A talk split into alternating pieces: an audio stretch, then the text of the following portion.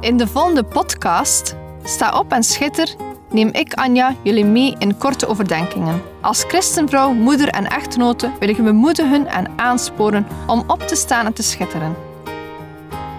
We zijn niet gemaakt om in Gods koninkrijk stil te zitten en niets te doen, maar om op te staan en dienstbaar te zijn. In de eerste plaats tien over God, daarna tien over ons gezin, onze partner of onze geloofsgenoten. En als gevolg zullen we dan ook schitteren in de wereld. Neem je Bijbel bij de hand, want zonder Bijbel zijn we als een kok zonder eten of een zanger zonder stem. Dus luister naar, sta op en schitter.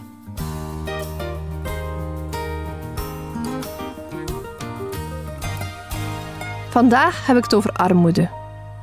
Wij leven in een welvarend land, maar ook hier is er armoede. Armoede betekent eigenlijk meer dan alleen weinig geld verdienen. Armoede betekent sociale uitsluiting op verschillende levensdomeinen die met elkaar verweven zijn, zoals onderwijs, werk, vrije tijdsbesteding, huisvesting en gezondheid. Mensen in armoede vinden moeilijker een betaalbare goede woning. Ze stellen een doktersbezoek uit. Kinderen doen het vaak minder goed op school of ze vinden moeilijk werk. Mensen in armoede schamen zich vaak voor hun situatie ze kunnen daardoor ook een lager zelfbeeld hebben en voelen zich soms minder goed in hun vel.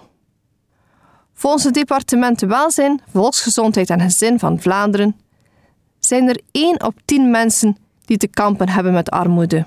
UNICEF ziet ook het cijfer stijgen als het gaat over kinderarmoede. 1 op 5 kinderen in België.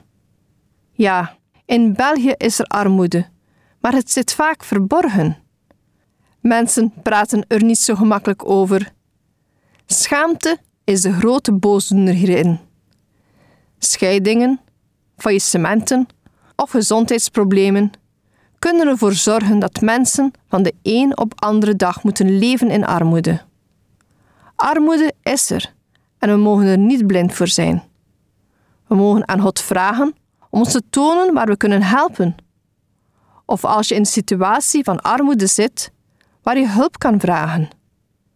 We mogen in ons land blij zijn met de sociale hulp, waaronder de voedselbanken. Ook in de tijd van de Bijbel was er armoede. In het Oude Testament zien we keer op keer hoe God zich het lot van armen en zwakken aantrekt. God geeft zijn volk allerlei wetten waarin de onderlinge zorg is vastgelegd, om zo armoede te bestrijden. Een voorbeeld vinden we in Leviticus 19, versen 9 en 10.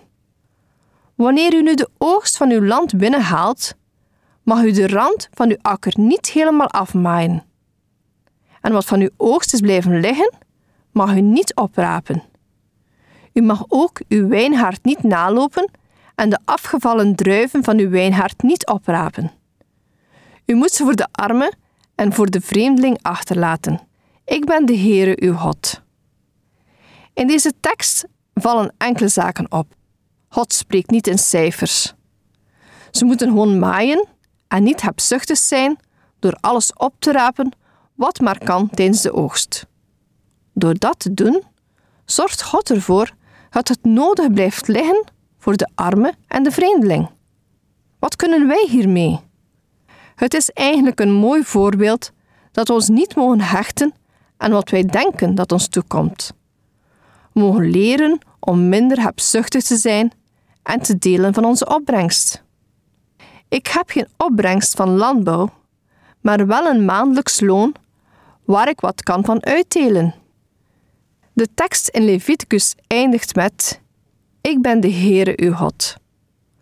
God wil hiermee zeggen: Ik zet er mijn handtekening onder. Door dit te doen dien niet alleen je naaste, maar ook God. In Deuteronomium 15 lezen we over het zevende jubeljaar. Dit is een jaar waarin men wordt opgedragen om leningen kwijt te schelden en vrijgevig te zijn naar armen. Dit moest ervoor zorgen dat de sociale ongelijkheid tussen arm en rijk, die in de loop der zeven jaren was binnengeslopen, weer werd rechtgetrokken. We lezen in versen 9 tot en met 11 een waarschuwing, namelijk Wees op uw hoede, dat niet de verderfelijke gedachte in uw hart opkomt dat het zevende jaar, het jaar van de kwijtschelding, naderbij komt, waardoor uw broeder die arm is niets gunt en hem niets geeft, en hij over u tot de Heere roept en er zonde in u is. U moet hem overvloedig geven. Laat uw hart niet verdrietig zijn als u hem heeft. Want vanwege deze zaak zal de Heere, uw God, u zegenen in al uw werk en in alles wat u ter hand neemt. Want armen zullen binnen uw land nooit ontbreken. Daarom gebied ik u. U moet uw hand wijd open doen voor uw broeder, de onderdrukte en de arme in uw land. Het gaat bij God niet over hoe de arme zo arm is geworden, maar om de houding van de rijken.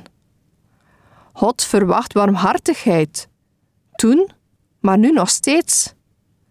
De argumenten om niet te geven komen uit zondige gedachten, volgens vers 9. Deze zondige gedachten houden de handen gesloten. Terwijl God wil dat we onze handen wijd open doen en met overvloed en liefde geven. Wij mogen doorgeven van onze rijkdom die God ons gegeven heeft. Als we geven, mogen we ook weten dat God dit zal zegenen. Het is niet alleen het Oude Testament dat oproept om hulp te bieden aan armen. Ook in het Nieuwe Testament staan er tal van versen die ons warm oproepen om mensen te helpen. En dan al zeker onze geloofsgenoten. Zoals in 1 Johannes 3, vers 17 staat: Wie dan de goederen van de wereld geeft en zijn broeder gebrek ziet lijden, maar zijn hart voor hem toesluit, hoe kan de liefde van God in hem blijven? Of zie in Jacobus 2, versen 14 en 17, waar staat: Wat voor nut heeft het, mijn broeders, als iemand zegt dat hij geloof geeft en hij heeft geen werken? Kan dat geloof hem zalig maken? Als er nu een broeder of zuster zonder kleding zou zijn en gebrek zou hebben aan dagelijks voedsel, en iemand van u zou tegen hen zeggen: Ga heen in vrede, word warm en word verzadigd, en u zou hun niet geven wat het lichaam nodig heeft. Wat voor nut heeft dat dan? Zo is ook het geloof als het geen werken heeft, in zichzelf dood. En zo zijn er nog heel wat teksten die gaan over armoede en geven. Als je alle teksten rond armoede zo naast elkaar leggen, dan zijn er verschillende dingen duidelijk. De personen die in armoede leven, liggen nauw aan het hart bij God. God is de armen niet vergeten en roept in plaats daarvan alle gelovigen op om hen hoop en kansen te bieden. Weduwen en wezen bij te staan in hun nood noemt Jezus een zuivere godsdienst. Hij wil dat we vriendelijk zijn en een vrolijk hart hebben terwijl we geven. We mogen rijk zijn aan goede daden, vrijgevig en bereid om te delen. In 2 Korinther 9 staat ook: Wie karig zaait, zal karig oogsten. Wie overvloedig zaait, zal overvloedig oogsten. Laat ieder zoveel geven als hij zelf besloten heeft, zonder tegenzin of dwang. Want God heeft lief wie blijmoedig geeft. Bij deze woorden denk ik aan de arme weduwe die twee muntjes in de offerkist gooide. Die twee muntjes waren haar hele onderhoud en ze had alles voor Gods werk over. Ze had gerust één muntje kunnen ingooien, maar dat deed ze niet. Ze gaf ze allebei. Dit is het praktische voorbeeld van geven. God keek daar niet naar wat de weduwe gaf, maar de bron waaruit het gegeven werd. Hij keek naar het hart van deze weduwe. Zo kijkt God ook naar ons. Het is onze taak om hulp te bieden in de noden. En misschien denk je wel dat wat je doet een druppel op een hete plaat is. Dat wat je doet dus weinig nut geeft. Door Gods ogen is iedere hulp belangrijk, hoe klein ook.